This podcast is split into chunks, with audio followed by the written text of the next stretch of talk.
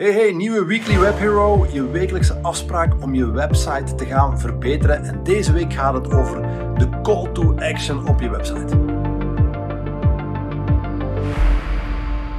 Hallo allemaal, morgen ben ik uh, gastdocent in een masterclass uh, met 12 tot 15 ondernemers.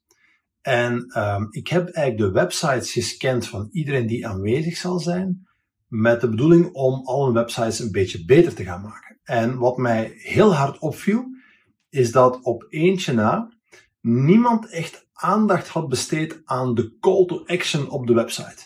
En uh, het is maar een klein knopje, maar het is een heel belangrijk knopje. Um, en daarom heb ik besloten om er vandaag nog een video over te maken.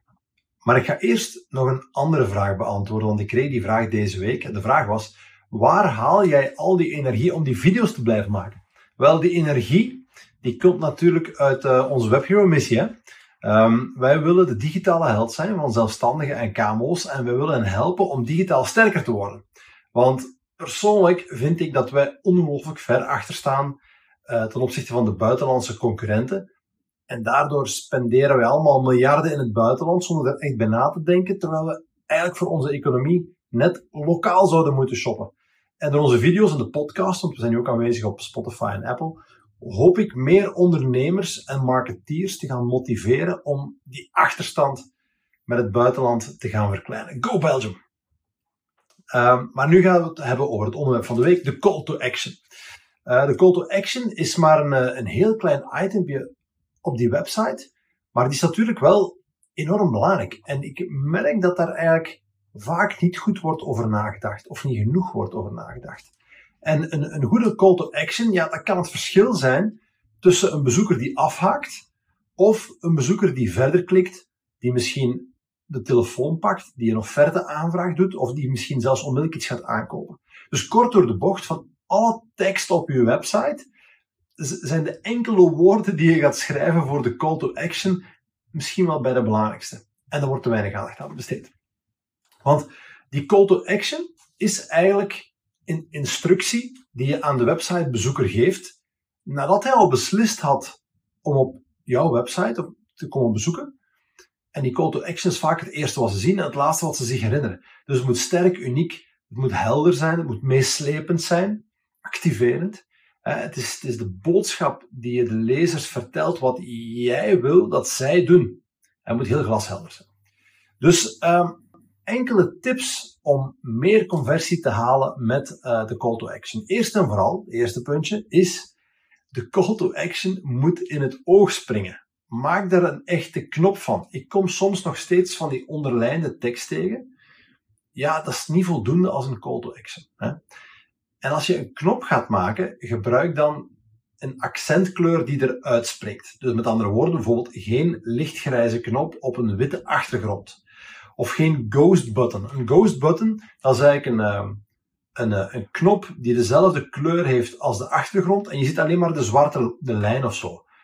Dus je hebt een witte achtergrond, een witte knop en een zwart lijntje daar rond. Dat ziet er natuurlijk heel stijlvol uit, maar ja, dat valt niet hard genoeg op.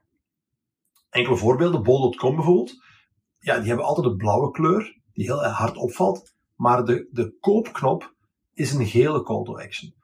Bij Amazon, ja, daar heb je meestal een, een, uh, een wit scherm met een zwarte balk bovenaan. Daar is de call to action geel-oranje. Ja. En als laatste tip, uh, zeker als je die gebruikt op een homepage, geef die knop voldoende witruimte, dat die heel hard opvalt. Dus op die manier gaat die heel hard in het oog springen. Nu, dat is de knop. Bij die knop hoort natuurlijk ook een bepaalde boodschap, een bepaalde tekst. Dus ja, gebruik actiegerichte tekst als je gaat schrijven voor je call to action. Wat niet actiegericht is, bijvoorbeeld gewoon contact of afspraken. Soms zie je dus gewoon een call to action met contact in. Ja, dat is niet echt activerend. Ja.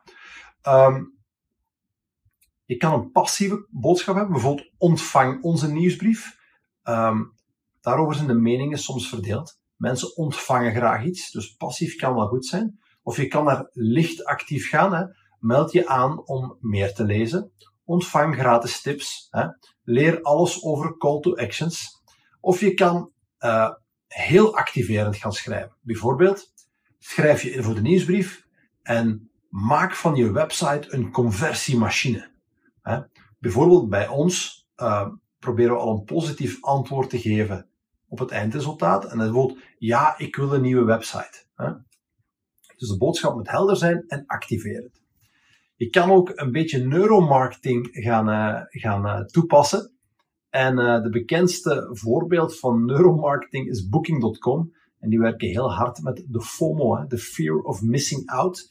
En eigenlijk wat er vaak staat, die gaat, dat, gaat heel herkenbaar zijn. Hè?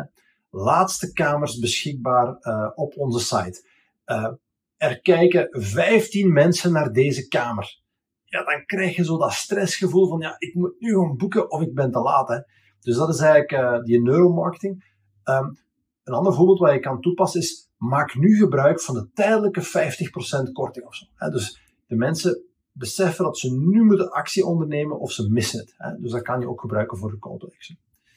Um, soms heb je ook de typische twijfelaars. Iedereen heeft zowel een paar vrienden waarvan hij zegt van ja, dat zijn altijd die twijfelaars. Daar kan je ook een beetje neuromarketing op gaan toepassen. En bijvoorbeeld kan je onder de call to action nog een kleine boodschap geven.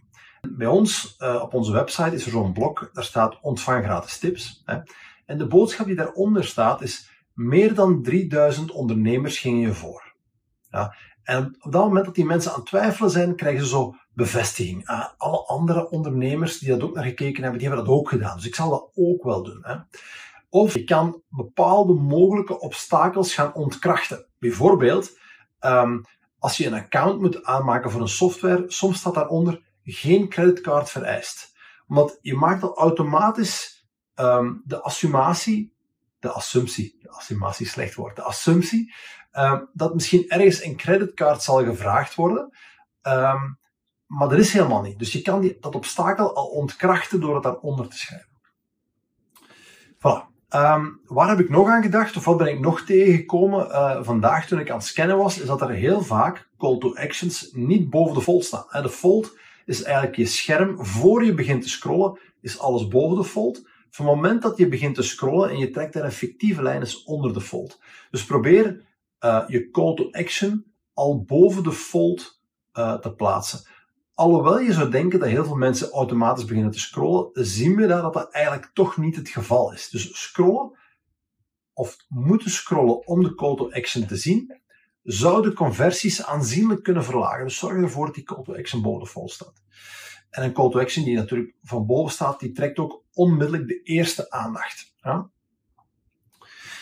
Um, je kunt die uiteraard ook nog herhalen. Hè. Het is niet omdat die alleen maar boven de fold staat, dat die niet herhaald kan worden. Sommige call to actions, die scrollen ook gewoon mee met de fold. je gaat omlaag scrollen en dan blijft die voortdurend uh, in beeld.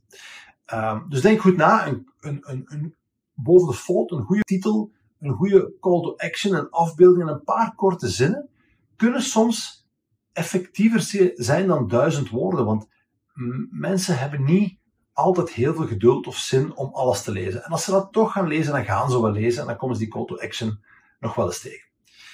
Um, het zesde puntje, puntje is, um, ja, je mag je waardepropositie niet vergeten. Hè? Je waardepropositie is wat je je prospect te bieden hebt. What's in it for them? Idealiter is het iets wat ze kunnen krijgen van jou, maar wat ze misschien niet bij de concurrent kunnen krijgen. Ja. En vaak is dat moeilijk om dat heel kort te schrijven. Dus de oefening die je moet doen, is um, ja, je schrijft eerst je waardepropositie uit en dan ga je die daarna proberen te herleiden tot zo weinig mogelijk woorden. Dat het heel kort uh, maar krachtig is. En dan mijn zevende puntje dat ik had genoteerd eigenlijk voor vandaag voor de call to action. Ja, dat is testen. Hè? Want soms denk je dat je het weet, dat je een, uh, een onweerstaanbare call to action hebt geschreven, maar misschien werkt het dan toch niet zo goed. En dus je kan altijd testen en nog eens testen en nog eens testen. Je kan daar uh, tools voor gebruiken. Hè? Bijvoorbeeld AB-testing met Google Optimize. Dat je aan 50% van je websitebezoekers de ene call to action toont. En aan 50% van je websitebezoekers een andere call to action toont. Maar dan moet je natuurlijk wel duizenden bezoekers hebben of de test lang genoeg laten lopen voor de kritische massa. Om te kijken welke het beste werkt. En als je dan een van de twee gekozen hebt, dan kan je eigenlijk een nieuwe test laten lopen. En zo kan je altijd proberen de, de conversieratio een beetje te proberen te verhogen. Zo, dat was de video over call to actions. Ik hoop dat jullie er weer iets hebben van kunnen oppikken om jouw website beter te maken, want dat is uiteindelijk de bedoeling. En uh, feel free om jouw ervaringen te delen in de comments onder de video als jij al geëxperimenteerd hebt met call to actions en je hebt er iets uit geleerd. Uh, deel het met de rest. Tag gerust mensen die er eens aan, uh, aan kunnen hebben. En wil je meer van deze video's zien? Wel, abonneer je dan zeker op onze channels. Voeg mij toe via LinkedIn. We hebben een WebHero YouTube channel. en sinds vorige week kan je deze video ook luisteren als een podcast op Spotify en op Apple Podcast. Um, heb je vragen over je eigen website om die mogelijk te verbeteren? Stuur me gerust een video. Dan kunnen we die video misschien opnemen. Dan gaan we je vraag behandelen in een van de volgende weekly web heroes die we nog gaan maken. Dus alvast bedankt om helemaal tot het einde te kijken en tot volgende week.